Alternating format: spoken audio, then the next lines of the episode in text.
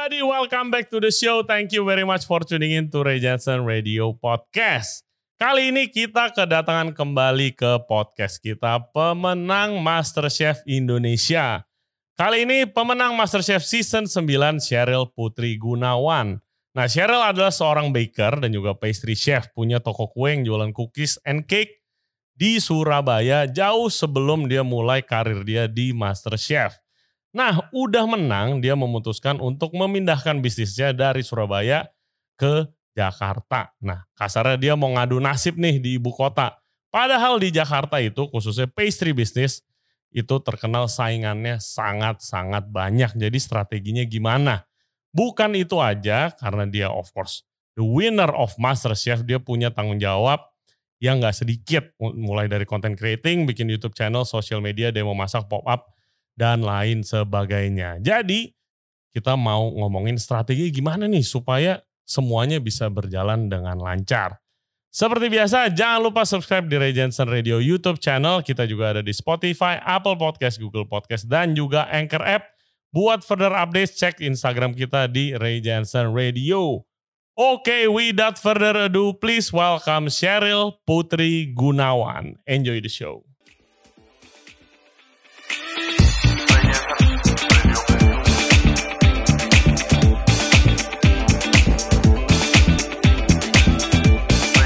Hai Cheryl. Hai. Kok nervous banget kayaknya? Enggak. Congratulations. Thank you, thank you Go. Winner of Master Chef. Kayaknya udah bertur dua kali berturut-turut nih. Season depan kalau ada Master Chef lagi harus uh, podcast kita. Udah jadi ritual ya yeah. kayaknya di sini. How how does it feel? Wow, I don't know what to say. Tapi sebelumnya ngikutin nggak? Sebelumnya ngikutin Master Chef. Oke. Okay. Um, terus emang tapi dimulai dari nonton serian yang punya Amerika pas aku kecil itu kok sebenarnya. Hmm. And MasterChef was one of the show yang aku selalu nontonin terus. Hmm. Terus juga nggak kepikiran sih kalau one day bakalan join and win the competition kayak yeah, gitu. Crazy, crazy. Congratulations. Nah pertanyaan gue cuma satu you. sih. Pasti kan soalnya kalau misalnya oh di MasterChef gimana sih? Kenapa alasan MasterChef ya, yeah. ikut Master kan pasti udah, udah semua orang pasti nanya ya kan. Benar, benar. Duit menangnya mau buat apa? Oh wow. um, well, duit menangnya ya pasti modal awal sih kok. Aku puterin lagi ke bisnis Yeah, ya. you have a business. Um, I have a business. Share bakes. Share bakes. Nanti kita akan ngomongin. Aku kan orang Surabaya, hmm. terus aku well, as now I'm recording this, I'm in Jakarta, yeah. so that will be my modal awal gitulah menjajal kehidupan kejamnya ibu kota. Semoga oh, cukup ya. Mantap. What have you heard? Huh? What have you heard? Di sini FNB-nya. Pasti compare-compare dong udah. Ya, ya, ya, of course. Tapi peluangnya pastinya juga lebih banyak di sini in hmm. terms of peluang tapi juga kompetitor juga pasti banyak. Tapi ya hopefully habis dari title dari Master Chef sekarang kan aku juga lebih dikenal lagi, sosok hmm. Cheryl lebih dikenal lagi. Semoga itu bisa menjadi batu loncatan. Nah, itu. kapan itu berubah sosok Cheryl dikenal lagi? Kayak oh. lu notice kapan gitu? Ya, um, well fun fact sebelum aku ikut Master Chef, my followers was only kayak 2000. 2000, 2000 oke. Okay. And then sekarang udah kayak 77, Crazy. So, 75 ribu plus ya. Crazy. Um, tapi ya, it, it's just it's, I know it's just a number, hmm. tapi somehow kayak people now define you from your followers. Iya kayak itu apa ya? Jadi kayak a gauge gitu loh, yeah. a gauge kayak how well you do in life, which is not totally true at all no, sebenarnya. Yeah, yeah. Tapi it help for your career kan. Iya, yeah, lebih lebih dikenal lagi. Anggapannya hmm. kalau di search engine sekarang Cheryl gitu langsung keluar gitu. Dulu kayak nggak tahu siapa yang keluar. Iya kayak gitu. Ya, yeah, I uh, I saw udah konten-konten di YouTube juga. Yes. Is it your plan juga mau bikin uh, as a content creator atau? Um, ya, jadi aku sebelumnya MasterChef memang udah mulai bikin YouTube mm -hmm. karena nganggur sih kok. Karena aku tuh sebenarnya emang suka bikin film. Right. Terus um, combining my passion and also my hobby jadi satu, iseng-iseng mm. bikin kayak dekor-dekor kayak gitu loh. Ya, yeah, I know it's a lot of views. Uh, terus ya itu satu video tuh viral, akhirnya subscribernya bertambah. Yang yang itu kan, yang apa? Sorry gue potong. Yang, yang kayak apa? Banyak bilang, oh ini orang, oh ini di Indonesia, gue pikir di Korea gitu. Iya gitu. iya. Karena aku suka um, Korean bakery bakery yang hmm. ada estetika kayak gitu-gitu. Terus hmm. akhirnya aku bikin-bikin lah iseng-iseng kan juga sambil jualan kue kan Korean cake pada masa itu masih lagi in banget. Uh. Um, terus dari sana aku mikir wah berarti ini juga bisa menjadi ladang penghasilan gitu loh penyalur hobi dan hmm. juga ladang penghasilan ya akhirnya sekarang aku jalanin lagi dan tekunin lagi dan semoga bisa ngembangin lagi sih. With hard work bisa lah. Iya. With iya. hard work bisa lah. Tapi lumayan capek sih sekarang kayak I do the filming and then the editing and then- Sekarang udah bisa afford a team dong. Mestinya. Iya, semoga amin amin. You have to delegate your work. Ya sekarang kan kita udah bukan udah bukan gua lagi kan Iya, yang edit gitu. Karena Hmm. ya waktu itu sendirian kayak ya pertama jelek kan videonya kak it's not my expertise tapi sekarang bisa lebih cepat dan lo bisa fokus ke yang lain gitu Hmm, benar, benar. Yeah. Setuju sih. Ya. Hmm. Definitely. udah berapa lama di balik Jakarta nih Eh, ini baru kurang dari satu minggu langsung mampir ke sini. Kurang spesial apa ini Oh, saya? oke Waduh. oke terima kasih terima kasih oke oke nah bisnis eh, Sharebakes awal mulanya gimana Em, jadi Sharebakes itu juga dimulai karena pandemi kok. Jadi aku Hmm. tuh baru selesai kuliah dari New Zealand pas itu Hmm. 2018. And then I and then my dad kayak coba aja dulu lanjutin family business dadada kan Hmm. biasa. Hmm, ya. Terus kayak wah no no no this is not for me. My Hmm. dad kerja di bidang furniture by the way. Jadi it's Oke. all just pure business terus Hmm. ketemu sales kayak gitu-gitu. Hmm. ya just boring tapi ya boring for you boring for me ya. eh dari furniture-nya bisa nyekolahin lo ke New Zealand lo Bener setuju. Bener bener. That's what my dad always Iya, said. oh gila gue tua banget Oke, oke. Terus habis itu tapi aku kayak kayaknya aku tetap mau ngembangin di um, passion aku di masak lah. Hmm, hmm. Akhirnya pandemi itu kan aku orangnya tuh boros kok, suka ngafe gitu. Oke. Dan duit yang nggak ada gitu. Tapi uangnya habis di ngafe, ngopi, beli roti-roti gitu. Terus then pas pandemi aku udah nggak bisa nongkrong. Oke. Terus akhirnya aku mikir gimana ya kalau aku mulai-mulai bikin kayak my own bread gitu at home. Pertama untuk konsumsi pribadi sama keluarga karena Hmm. kita always kayak um, share the love for food. Terus pagi atau afternoon tea di rumah bareng-bareng. Hmm. So aku mikir Oh you do afternoon tea at home? ya with my family. Tapi Oh fancy banget. tapi ya Jadi like small pastries gitu, high tea gitu. ya nggak se nggak sedelicate itulah. Cumanya kadang kita emang ada beli apa spiku kayak atau kadang ada Oke. beberapa yang kita buat sendiri. Afternoon tea ya, Jadi wow. kayak itu ngobrol-ngobrol sama keluarga. Oke oke oke oke. Yes Um, yes. Ya ngeteh ngeteh sore lah bahasa Indonesia nya. Ini ngeso aja jadi sound so fancy gitu. Like English people. Um, Terus? terus? anyway, terus aku merasa kayak ya ya mungkin nggak cuma aku gitu loh yang merasakan bahwa I miss the experience of going out and dine out. Oh, Nah, kalau misalnya aku um, bisa memfasilitasin itu kayak bikin kayak nice pastries yang orang bisa nikmatin di rumah sambil jual minuman kayak kopi-kopi gitu. hmm. I think would be nice. Nah dari situ orang-orang juga merasa itu menjadi kayak ritual akhirnya untuk mereka karena mereka juga nggak bisa um, dine out and Ya. pergi ke cafe. betul.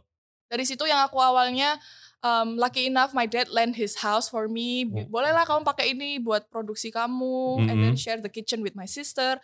Terus dari sana aku bisa sekarang nyewa tempat yang lebih besar untuk um, production kitchen itu sendiri. Mantap. Your sis by the way juga is a pa- pastry chef, right? a Yeah, really she good pastry is. chef. Shout Um, out to Candy. Shout out to Candy, yo. My God. Terus terus um, lu udah jalan bisnis. Udah jalan bisnis. Nah, jualan apa aja nih? Ini produknya by the way guys. Yes, ini Ini yang cookies. aku bawa hari ini salah satu produk yang bisa dikirim Hmm. nationwide seluruh Indonesia. Um, specializing in cookies, terus ada breads, um, Korean garlic bread is one of them. Terus aku Oh juga waktu itu ngetren banget. keren banget pas pandemi itu. Hmm. Um, terus juga ada terima kue, um, pesanan kue ulang tahun kayak Oke, gitu. custom gitu. Custom custom. Kayak entreme gitu-gitu ya. Entremet enggak sih, lebih ke arah Korean cake and also kayak buttercream. Fondant. kalau Korean cake tuh maksudnya apa sih? Korean cake. Um, I know. Probably in baker's world we call it Korean cake. So Yeah. basically it's like kayak dalamnya sponge, Uh. it's either vanilla chocolate kayak gitu, and then the design is either fresh cream atau buttercream dengan um, desain yang fair- fairly simple gitu. Kayak bukan yang fondant-fondant gitu, Bukan bukan. yang fondant. Jadi dimakan tuh tetap enak, simple, dan orang tuh anggapannya kalau mau ngasih tuh um, budgetnya bisa nggak terlalu tinggi lah, karena design wise cuma coatingnya kayak buttercream atau fresh cream doang kayak gitu. Oh, oke oke oke oke. Dan Iya itu iya. dipopulerkan di Korea. Jadi kayak orang-orang call it kayak Korean cake design kayak gitu. Kalau di Jakarta tuh yang lagi naik banget sih, ya udah mungkin udah setahun terakhir ya itu yang marble cake itu loh. Marble cake. Yang glaze, di glaze yang kayak mar- Oh, mar- entremet. marmer efek itu yang Iya, dalamnya iya. entremet. Itu udah Nice. kecil, mahal, tapi eh, very very banyak banget dicari. Iya benar-benar. Tapi itu ada tantangannya tersendiri sih. Soalnya dengan suhu Indonesia yang kayak gini nih kok. Hmm. Ngirim, ya itu kan mousse cake gitu kan. Iya. Lumayan ngeri sih pasti. Kayak pasti banyak drama. Iya itu kayak one thing about that cake, marble cake itu, ini gue kayak gue ngomongin istri gue nih kayak mungkin four years ago. Mhm. Belum ada yang bikin Indo. Terus dia Hmm. lagi uh, out of job. Ya kan shout out to my wife. gue suruh bikin. Ya. Ini kayaknya bakal ngetren nih. Mhm. Soalnya kalau misalnya di sosial media tuh kan kayak mesmerizing gitu mesmerizing kan, dan bisa Nah, viral tuh gituan benar, gitu kan. benar. Iya tapi dia nggak bisa bikinnya gitu kan. Ya nggak apa-apa gue ajarin sini gitu kan. Hmm. Minta resepnya sama pastry chef gue dulu segala macem. Tapi dia nggak jualan ya fast forward three years later tuh kan ngetren kan. Lihat tuh. trend, Lihat tuh si chef ini gitu loh. benar Gila kan. benar Iya tapi pasti ada susahnya pasti apa suhu. suhu Hmm. dan itu desainnya juga kadang kan orang merasa kayak orang sini kan kalau ngeliat exactly marble tuh harus kayak gitu gitu Hmm. sedangkan marble-nya nanti yang dibuat di sini dan hari esoknya tuh belum tentu bisa sama kayak gitu loh ya just Ribetnya uh, ribetnya custom apa? Kalau Ribet. orang mau minta custom gitu ribetnya apa? ribetnya custom ya itu satu foto orang merasa aku mau cake seperti ini mereka tarik dari Pinterest atau dari lapak orang lain nih gue mau kayak gini persis nah tapi semenjak itu aku nggak mau aku langsung bikin disclaimer Hmm. kayak semua cake itu it's an art ya kan kalau Hmm. bikin custom cake itu aku buat dengan tangan orang lain juga pasti beda jadi kayak jangan don't expect 100% exactly like that gitu Oh, Oke. Yang ngomongnya? Eh? Ngomongnya begitu. Ya, Eh, tapi ini nggak bisa I- persis ya gitu. I make it in a disclaimer form gitu Oh, Oke. nicely and professional way to say it Terus lu um, correct me if I'm wrong. Lu jualan yes berapa lama? Belum Um, lama berarti kan? durasinya berarti mulai dari 2019 Hmm. akhir Hmm. sampai sekarang Oke. Mm-mm. Terus lu ikut Master Chef. Berarti Yes. belum lama tuh bisnis lu baru lah, baru setahunan. Iya, baru Terus setahunan, baru, terus lu ikut Master Chef, your ditinggal, business ditinggal. tinggal stop. Gak stop. Oh nggak stop? Gak stop. Oke, jadi tetap berjalan dong. Tetap Oh, that's berjalan. smart. Iya. Gua karena kan pasti banyak yang nyari begitu lihat lu di TV. Iya, sempat ngaruh sih. Tapi orang Pesanan naik dong. pesanan naik, tapi orang juga kayak menanyakan kayak, loh ini orangnya di TV apa masih jualan ya kayak gitu kan? Ah. Soalnya aku pas awal semuanya aku yang handle. Mm-mm. Jadi orang pikir siapa yang ngerjain sekarang kayak Oh gitu. ilah, emangnya semua restoran yang dimasak, mah, dima- makannya dimasak sama chefnya ya kali. Tapi kan soalnya itu sih, tapi kayak the struggle of a home bakery atau Hmm. apalagi yang mulai dari akunya orang tuh expect sampai sekarang tuh kayak sering tau kayak kak mau beli cookies gitu. Mohon maaf, ini yang masak kakaknya sendiri atau timnya ya kayak gitu. Nah, iya, Terus I don't iya. know how to answer to that kayak Lu bikin foto lu lagi masak, lu lagi bikin kue apa aja masih kak gitu. disimpan di draft aja tinggal dikirim. Atau enggak sekarang udah selebriti tanda tangan lah kotaknya. Nih gue yang masak. Apaan enggak? Sama aja kok, masih aja kayak Cheryl yang dulu. Terus lu eh, tinggal master chef.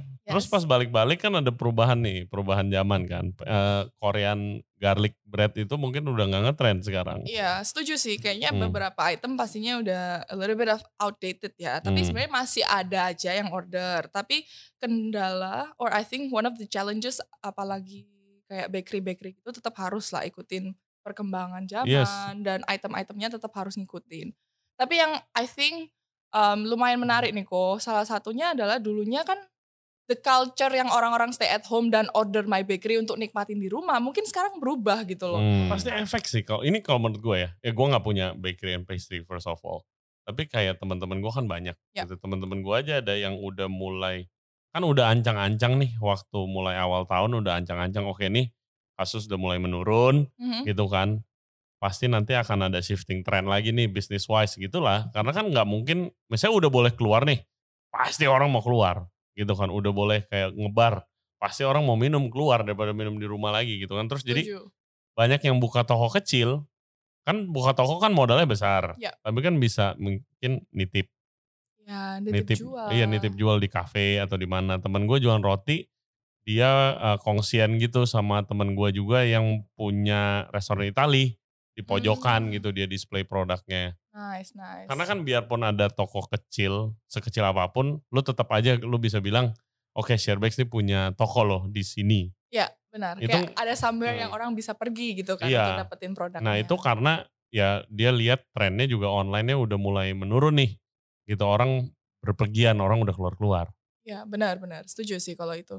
Berarti Hmm. ya itu ya kok. Kayak either kayak nitip jual atau ada pop up Yes. Pop up booth lah I would say Iya ya. pop up booth Pop-up gitu kan. booth. Terus sama as a baker, setahu gua kalau dulu gua pernah ngitung-ngitung ngitung-ngitung lah gitu Mm-mm. dulu punya. Karena I love, I love baking bread sebenarnya. I cannot do it, my bread sucks. Tapi gue suka. Tapi waktu mau ngitung-ngitung modal, kalau mau cuan itu harus supply. Ya, benar, benar, benar. Ya, supply jadi supplier guys ke kafe, ya kan ke restoran, entah itu roti, roti tawar gitu-gitu itu baru kayak cuan. Ya, benar. Lu Uh, ngarah ke sana juga kan? Ya, sebenarnya di Surabaya untuk cookiesnya sendiri yang cookies Hmm. um, ukuran regular itu aku udah masukin di kafe-kafe Surabaya kan sekarang banyak Hmm. banget orang-orang mau punya usaha Mm-mm. kopi segala macem dan salah satunya pendamping kopi paling sempurna menurut aku cookies ya. Jadi aku berusaha propose ke beberapa um, kafe Hmm. untuk masukin produk aku dan aku beberapa juga jualan yang kayak no brand gitu sih kok. No Jadinya brand. no brand cookies. Jadi mereka tuh um, sekarang kan lebih pingin gimana ya? Bisa meng-highlight brandnya mereka sendiri tapi nggak mau produksi gitu loh. And then I'll make like a no brand cookie and then I can brand it for them. In Jadi of pastry shop juga. Oh, so basically if you have like Ray Jensen coffee and then Oh be like- kan? yeah, it's a cafe tapi mereka nggak mau produksi um, Iya ngerti. pastry-nya sendiri. And then Contoh contoh kalau biasa pesan espresso ada cookiesnya misalnya. ya, Ya cookiesnya dari lu gitu kan. Ya di display kue kuenya dari lu nggak bikin sendiri gitu kan. ya, tapi mereka kadang nggak mau. Maksudnya I, I can I can give option for them to use their brand. So I sell no brand stuff Oke, also, oke. something like that. Ya sama aja itu kayak supply kan. Ya, supply, supply. Hmm, Ya, ya, hmm. ya. Mau udah jadi mau bikin dapur di Jakarta. Ya, amin dengan uang juara. Semoga. ya dong, soalnya um, tetap mau putar ke bisnis sih pastinya uangnya. Hmm. dan um, mau bikin dapur yang kayak di Surabaya. Yep. I would say it's a ghost kitchen or like what you call it crowd kitchen kayak gitu kan. Um, Ghost Kitchen. Kalau Cloud Kitchen itu Kitchen. udah udah kitchen yang udah banyak, banyak kecil-kecil ya, gitu. uh, ghost kitchen I would say. Iya, heeh. Ya mau ke sana sih kok. ya production kitchen lah kalau yang nggak ngerti. benar. atau usaha rumahan. Hmm. Terus em, kalau karir lu di media and content creating gimana? What's the plan? Um, so content creating aku tadi udah mention di YouTube. Aku Hmm. pengen kembangin di YouTube lagi. Hmm. Jadi kemarin beberapa eh, ya selepasnya MasterChef sih almost instantly aku mulai dengan bikin vlog-vlog karena aku masih mau kayak anggapannya ya menggunakan momen MasterChef Of lah course lah. sampai selesai. Jadi bikin vlog-vlog um, terus juga sharing recipe. Um, meskipun aku belum punya kayak studio kitchen yang bagus banget gitu kan tapi sekarang udah banyak foreign kan di luar sana. Jadi I make videos there. Terus um, apa lagi? in in social media in terms of kayak endorsement dan lain-lain aku baru mau menjajal. Jadi I don't know we'll see lah. Now I'm a little bit everywhere gitu loh, tapi ya I think it's part of it. Jadi maaf Maksudnya ya a guys. little bit of everywhere gimana? Yeah, I'm a little bit of everywhere. Kayak I'm trying to expanding my business and then I'm doing YouTube. Hmm. I'm trying this whole new entertainment thing. Sometimes I kayak attend TV shows kayak Hmm, gitu-gitu. hmm. So I don't know. It's it's everywhere. You should. You Yeah, should do yeah. everything. Why not? ya gak? Terus do you, do you enjoy it? yeah. the so- so the the enjoy it. media thing kalau bakery usaha lu pasti enjoy lah gitu. Ya. Tapi kayak the media thing gitu, do you enjoy? Um, the media thing now now I kinda enjoy it. Tapi Hmm. pas awal um, balik lagi ya bahas tentang MasterChef dan Hmm. dapet gelar the title. Sebenarnya aku lebih akan aku overthinker ke orangnya. Jadi pas Hmm. awal tuh dapet titlenya aku tuh lumayan kayak wow this is gonna be a weight on my shoulder. oh Kayak pressure gitu. Pressure. Oke. Kayak lebih ke arah orang akan ekspektasi seperti ini karena gue juaranya kayak Hmm. gitu. Kok kayak gini ya kan seharusnya. What do they expect emangnya out of uh, MasterChef winner? I think it's just my pure assumption gitu loh. Oke. Kayak I feel like I have to be kayak on social media harus sangat aktif, harus tetap memberikan konten yang engage to the audience, tapi Ah. tetap nggak boleh meninggalkan embel-embel masak yang kayak gitu-gitu. Oke. And then I just like overthink everything. Terus kayak aku baru juga, juga menjajal kayak TikTok, Twitter, semua sih, Instagram, semua tiba-tiba aktif gitu loh gara-gara dia di MasterChef. Sebelumnya kan I'm just a normal human being doing the business gitu loh. Tapi now kayak my plate is already full terus Ah. tambahin all of those so it's a little bit overwhelmed pas awal pasti. Bikin tim lah. Iya. Suruh itu hire orang. Gue ada beberapa temen yang not even a celebrity. Mhm. Kayak masih jauh dari celebrity lah. Tapi kan kayak uh, having a huge follower and hu- uh, huge engagement. Banyak nih follower engagementnya banyak kan. Iya. It helps with business as well kan. Iya benar. Jadi pad- pada beberapa yang hire social media manager, Hmm, ini masih jauh, bukan winner master chef, bukan apa gitu. Tapi ya ada orang yang ngikutin dia gitu konten. ya ya ya. Ya it will help a lot kan. Soalnya bukan, ya lu mau ngap, kalau lu ngupload tiap hari nanti kerjaan lu yang lain bagaimana gitu kan. Keteteran jadinya. Hmm, Ya hmm. setuju sih kayak uh, I'm planning to build a team juga buat mikir. Jadi kayak otaknya tuh nggak cuma di aku gitu. Pusing sih Ya, sekarang. ah nice. Must be a very exciting time for you. Ya ya ya. Kayak em, kemarin sempet kayak sebulan awal setelah kompetisi tuh kayak orang linglung gitu loh kok kayak mau ngapain ya bentar lagi kayak I know exactly what to do kayak there's like a long list kayak of what to do tapi I don't have the energy I don't have the I don't know kayak everything's all together tapi sekarang udah lebih satu-satu lah Iya, satu-satu kalau dulu dulu I have the same the same problem. eh bukan karena kayak menang kompetisi atau kayak gimana, tapi kayak there's so much thing I want to do and accomplish. Ya. Iya gak? Nah, gue disaranin sih sama ada teman deket gue, itu dia kayak list down aja, satu-satu list down. Terus habis itu ya pertama yang priority yang mana yang paling mau. Ya. Kedua yang bisa di achieve cepet tuh apa. Mm-mm. Kayak begitu. Terus kayak kalau udah ya lakuin yang itu dulu, yang lain nyusul. benar Kayak benar. gitu. Kan banyak yang accomplish. Terus ada yang accomplish misalnya hobi doang. Ada yang accomplish passion. Ada yang accomplish jurusannya duit gitu kan. Iya. Ya yang mana dulu of course realitinya sih harus duit dulu biasanya kan. Iya, setuju, Baru bisa setuju. ngerjain yang lain-lain gitu. oh iya ya Hmm. Kalau gue disuruh di diajarin begitu dulu gitu. Gue iya. gue juga gue juga mirip sama lo. Gue banyak banget yang gue mau lakuin. Mm-mm. Ini kayak banyak banget kayak uh, I'm starting to I really enjoy this podcasting kan. Ya. Terus kayak aduh kok cuma podcast ya. Aduh pengen bikin travel show, pengen bikin ini, pengen bikin ini. Tapi ya waktunya of course nggak ada. With my day job juga gitu Ya. kan. Ada usaha yang lain juga ya of course nggak ada gitu kan. Jadi harus priority dulu sih. setuju Dan setuju. kayak ya two or three things masih bisa handle lah kalau lu tim ya gitu kan. Benar benar Keren man, I'm happy for you. Waktu itu kan belum, kita ketemu kenalan belum di announce. belum di announce aku kelihatan kayak orang stres kan pas saat itu Enggak. iya sekarang udah better lah jauh. Begitu di announce, Hmm. did your life change gitu? Atau kayak, Hmm, kayak yes and no sebenarnya masih sama aja masih kayak Cheryl yang dulu of Hmm. course tapi dengan sekarang orang tahu I got the title Hmm. and of course exposure juga bertambah ya pastinya pintu-pintu tuh satu-satu dibuka kan lah kok dan I wanna utilize that oh iya dong, Iya. harus ya. that's why kayak kemarin kepindahan aku ke Jakarta ini kayak lumayan all of a sudden gitu kan Hmm. udah ngilang dari rumah setengah tahun balik ke Surabaya and then I just like hi everyone I'm gonna move in like few weeks so Ah. this is announcement this is not kayak minta izin gitu ya so ini pengumuman ini gitu ya. pengumuman ya Oke. How your family take it? Ngerti dong Ngerti, opportunity ngerti. lebih banyak di Benar. Jakarta. and my parents very supportive so I'm I'm grateful for that Hmm.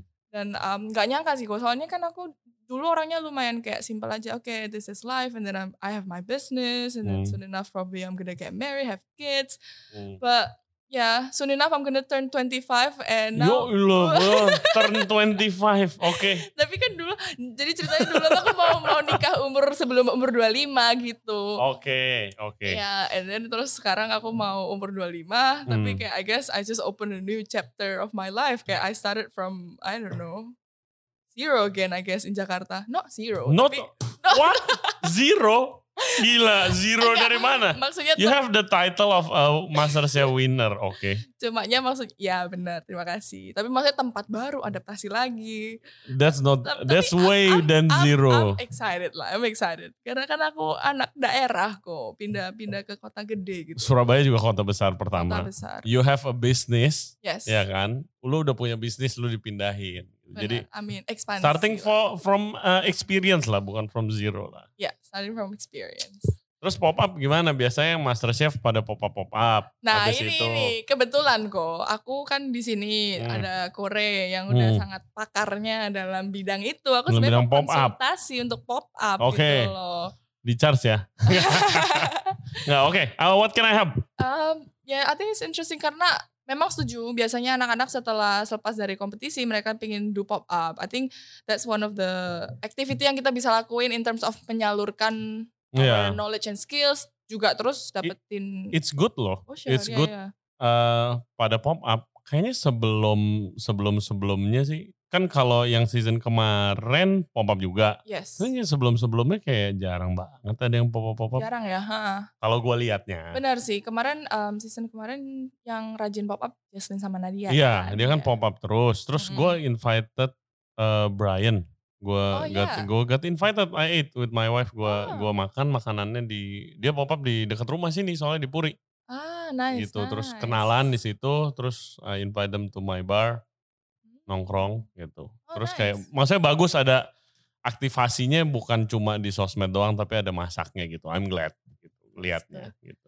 Iya sih kok, aku, aku pingin banget di season ini collab. Aku kepikiran, eh kok collab, mohon maaf, pop up. Pingin pop up, um, I have a plan sama Palito, terus Mhm. and then another one sama Top 4. So Oke. it's with um, me, Palito, Arshan, and Victor. Hmm. Kayak gitu. Tapi I don't know where to start gitu loh. Hmm. So so what, what what do you have for me kayak as an advice or where to start first gitu?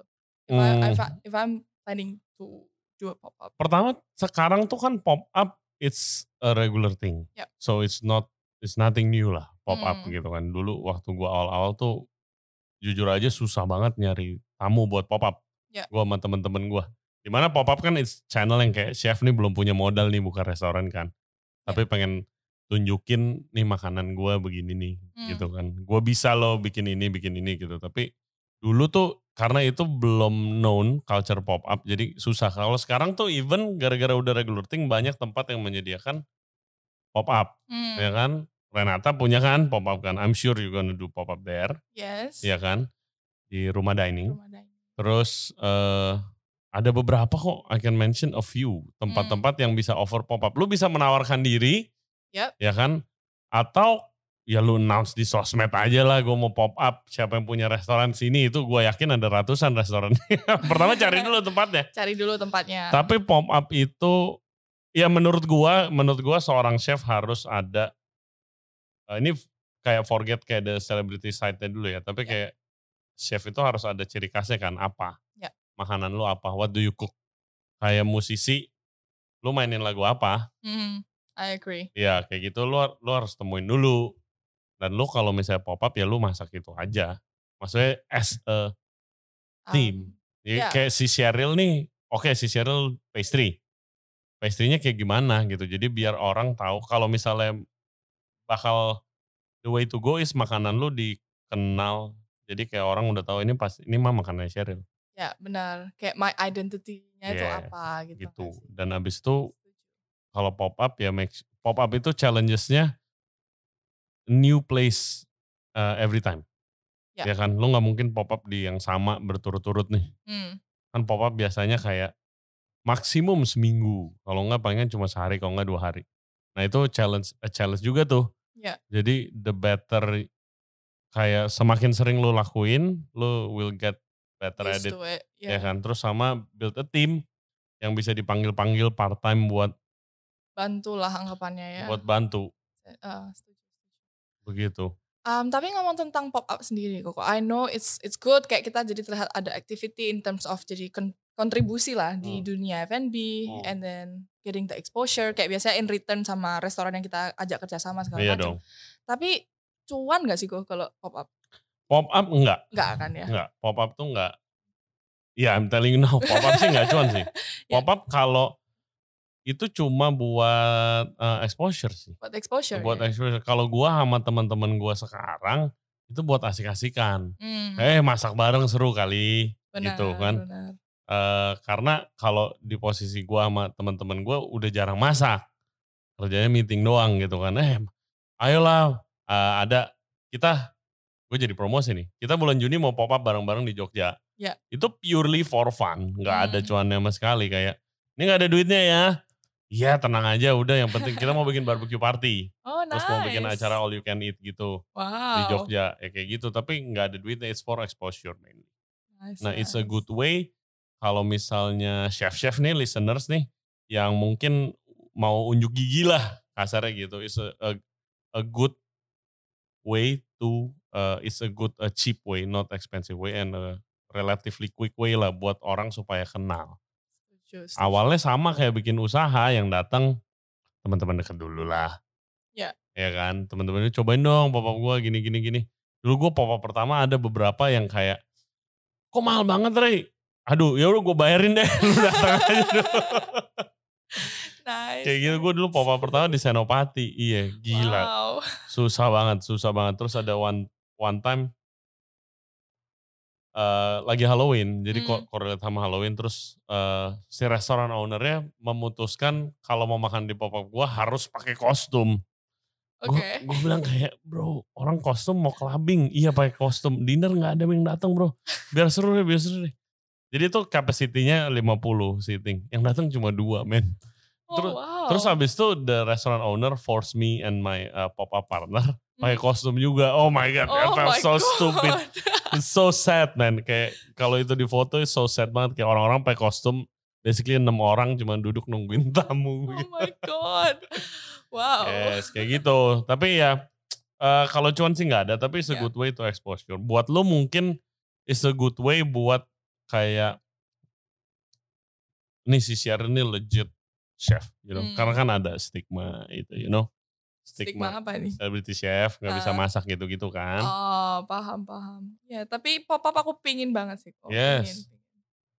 Biasanya eh I suggest ya harus ada tandemnya lah. I'll help you out kalau if you want. kalau Yes, lagi pop up. I help you out karena experience, Ya. lo experience. Benar-benar. Dulu waktu balik awal-awal Renata gue yang temenin kalau pop up. Waktu belum pengalaman, sekarang kan udah jago. Eh, I see. Ya, nanti I, I will seek for a lot of advice dari kamu lah pasti. Oh iya. Ah, no no no problem. Glad to do it.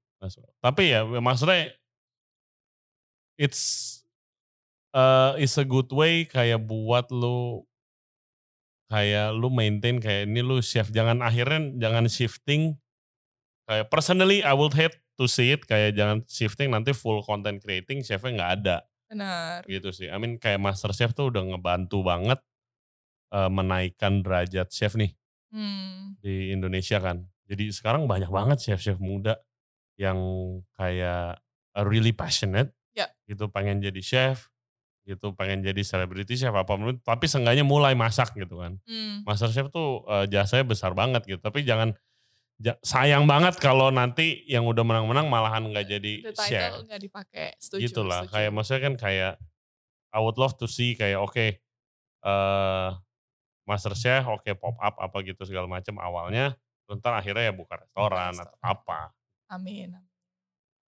you want to open a restaurant Ah, wah. Kan lu ngambilnya restoran manager. I don't know. I Hmm. don't know to be honest. why too much work Yeah. yeah it's crazy. Op- operational is crazy. Oh Think- my To god think about budgeting, terus biaya operasional, udah pusing kok kepala aku. hmm So I don't know. We'll see lah nanti gimana sambil see how it goes. ya Tapi um, another thing aku pengen coba jajal juga to host a workshop. to host a workshop, oh Workshop. jadi ngeles gitu Ya ngeles tapi lebih ke arah uh, kan mungkin selama ini kita taunya kalau ada baking studio lebih ngajar yang quite intens gitu ya top apa materinya lebih intens tapi one day maybe aku mau bikin workshop yang semi tipis-tipis bisa meet and greet tapi tetap sharing my knowledge gitu loh jadi Oke. kayak materinya nggak terlalu berat kayak gitu loh Hmm, hmm, hmm. and then bisa sekalian di restoran-restoran oh bisa banget Ya. itu mah kan sekarang juga space-nya mereka kan gede-gede tuh. Kadang Hmm. kalau misalnya ada hari-hari di weekday segala macem, kan mereka bisa bantu dongkrak juga um, Ya. for the restaurant visit. Terus Ya. aku bisa do some sort of workshop di sana. I think that would be fun juga lah untuk dilakukan. of course of Ya, course ya. fun dan gue yakin with your exposure banyak yang mau lah pasti Hmm, Ya, and then baking kayaknya lebih doable ya untuk Hmm. dilakukan secara workshop. gitu. Sekarang banyak kok tempat-tempat yang kayak semi kitchen studio gitu. Jadi bis, tapi kitchennya udah proper juga. So you can do a pop up there, you can do a class there. Udah bisa tergantung mau ngapain aja Ya. gitu. Udah banyak banget tempatnya. Ah, di Jakarta ya especially ya. Eh, di Jakarta, iya. huh? I have to kayak get around first and know places gitu sih. Kayak ini literally fresh banget gue dari Surabaya. Oke. kayak masih belum tahu. Nanti gue kasih tahu abis podcast gue kasih list ya tempat-tempatnya. Siap, siap. So abis itu udah winner master chef checklist punya usaha mau bikin konten plannya. Mhm. Terus habis itu sekarang nextnya mau ke mana lo? Wah, aduh, Ngapain? What's your big goal? my big goal. Wow. Um, jujur ini pertanyaan yang sangat mengintimidasi saya sih. Loh, kenapa? What's, your- what's your big goal? Karena Karena overthinker. I'm an overthinker. And then my goal, Kayak in a perfect world. perfect Oh, world. Aku sebenarnya orangnya tuh simple, Hmm. tapi aku tuh complicated. Jadi I don't know. I don't know. you don't know? I don't know. Tapi dari kecil I've always share my love for food. Hmm. So this is what I want to do gitu loh sebenarnya. This whole thing. Hmm. Um, dan oh ya fun fact sebenarnya dulu tuh aku pingin terkenal pas kecil. Hmm. My mom would join me kayak oh kamu ini ikut lomba fashion show terus kayak kamu ikut ini buat kayak ya all of those things lah. Oke. Dia sangat dukung. Terus pas SMP aku tuh pingin jadi beauty guru di Oke. YouTube. Oke. Kayak make up segala Oke. macam. Pas SMP. Pas SMP. Jadi aku udah belajar ngedit, terus Ah. Photoshop itu SMP, auto semua. Oh, Pingin wow, jadi wow. terkenal. Tuh ceritanya. guys, gak instan guys. Jadi terkenal Nah, terus, dari um, SMP. Terus kan aku suka makan, tapi Hmm. tetap idealis juga tuh, pingin jadi ya terkenal lewat jalur beauty guru, oh, Hmm. fashion world gitu. Terus Hmm. it doesn't work, and then aku just ya udahlah, tetap menjalani sehari-hari, nggak Hmm. akan kepikiran bahwa momennya tuh I would say datang sekarang, wh- where I can combine kayak Hmm. I would say content creator world sama Hmm. my passion in food gitu loh. Iya, tapi itu gak instan loh. Gak instan, iya. Dan baru dikasihnya kayak belasan tahun kemudian gitu Hmm. loh. Tanpa aku, tanpa aku sebenarnya kayak harus banget nih harus pingin jadi terkenal. Kalau dulu kan mungkin aku terlalu idealis kayak aku mau mau mendapat, aku mau orang kenal aku sebagai Ini, Ini ini, ini, ini. dengan membuat konten seperti ini di YouTube kayak Hmm. gitu. Iya, tapi what I'm trying to say, maksudnya ini kan udah a good start gitu kan. Ya. Tapi gue tuh mau ngomong nggak instan, bukan berarti kayak winner master chef bikin konten di YouTube langsung abis itu ngebom millions of views gitu loh. ya, enggak, enggak. Jadi sebelumnya Sepertinya. channelnya tuh kalau uh, lihat di video yang udah aku private-private tuh isinya make up semua pas aku kecil. Tapi sekarang udah shifting jadi something else yang Iya. of course itu nggak ketebak juga sih kalau jatuhnya bakal combining those two fields yang Hmm. I'm actually interested in kayak gitu. Iya. Ya, consistency is key lah nanti Ya. hopefully. Yeah, Ya. I'll take notes on that definitely. In anything kalau mau pop up ya lu harus pop up terus ya, gitu uh-uh. kan. Ya YouTube ya YouTube terus gitu kan. Udah s- konsisten. Ya. Kayak lu mau usaha ini kan lu nggak bisa berhenti begitu aja kan. Terus Ya. baru oke tahun depan gue jualan lagi ya nggak bisa. benar, benar. Gitu sih. You ha- you have any advice for the listeners of this uh, Um, podcast who Advice. aspire to be the next Cheryl? Uh, wow. well, I don't know. I guess it's a, it's a compliment. Tapi for me yaitu kayak enjoy the process. Karena um, aku juga gak kepikiran sih ku. Jujur pas aku udah jalanin Shareback ini aku merasa aku udah settle. Kayak oh, oke this is what I'm gonna do for the rest of my life. This is fine gitu. Ya, kan. this is fine. Terus ternyata juga ada opportunity yang aku ambil dan Hmm. di sana I don't know. I just I guess just enjoy the process kayak you, don't know what life gonna give you gitu loh. Hmm. And then um, if it's about cooking, kalau mungkin um, teman-teman di rumah lagi dengerin juga masih ragu untuk menjajal atau mau memasukin the F&B world, I know it seems scary and all that, Hmm. tapi as long as it's your passion, you should do it. And then kayak sampai sekarang pun journey kayak ke depannya akan mengerikan sih buat aku juga loh ya. Aku Hmm. masih melihat kayak wow, it's gonna be like obstacles, it's gonna be like challenges, tapi Yeah. it's part of it gitu loh. Jadi dijalanin aja, jangan menyerah, and then take that leap gitu. For me Hmm. moving to Jakarta, aku nangis-nangis udah berapa hari di sini nangis terus. Kayak aku, aku kayak, kayak bingung gitu loh kayak, oh my god, now I'm here, but yeah, I'm glad I'm here, but is this the right decision that I make? It's the right decision. Ya, I- I'll answer it. It's the right decision. Nanti, I mean, kalau di Jakarta at least itu paling pertama connection sih. Ya. Gitulah, connection. Nanti kalau udah know the right people ya nanti itu nanti Ya. bakal gampang. It's more important than anything kalau connection. Kalau Jakarta ya, Hmm, gue nanti bisa dibuka jalannya gitu. Kalau connection. Jadi kalau saran gue awal-awal kota baru nongkrong ya, ya nongkrong nongkrong aja gitu kenalan gitu nanti I'll, I'll take you out to meet my friends sweet. kalau mau Oke, ya koneksinya Corey Jensen guys banyak banget. Semuanya dia kenal. Siapa yang nggak kenal Corey? Ya itu gue bangun buat udah berapa belas tahun cuy gak instan juga nongkrong sampai duit habis oke Cheryl thank you banget Bu udah uh, for your time Thank you for having me. yes semoga pleasure. sukses I I can assure you everything will be fine Not smooth tapi fine. Thank you, thank you. You'll make it at the end. Guys, pesen nih. Sharebakes, support Cheryl. Weh, thank you so much. Di mana. Instagramnya? Instagramnya at share.bakes. Share.bakes. Dan Yes. Instagram lu di Cheryl.mci9. Cheryl.mci9. Oke. Uh, thanks again and sukses selalu.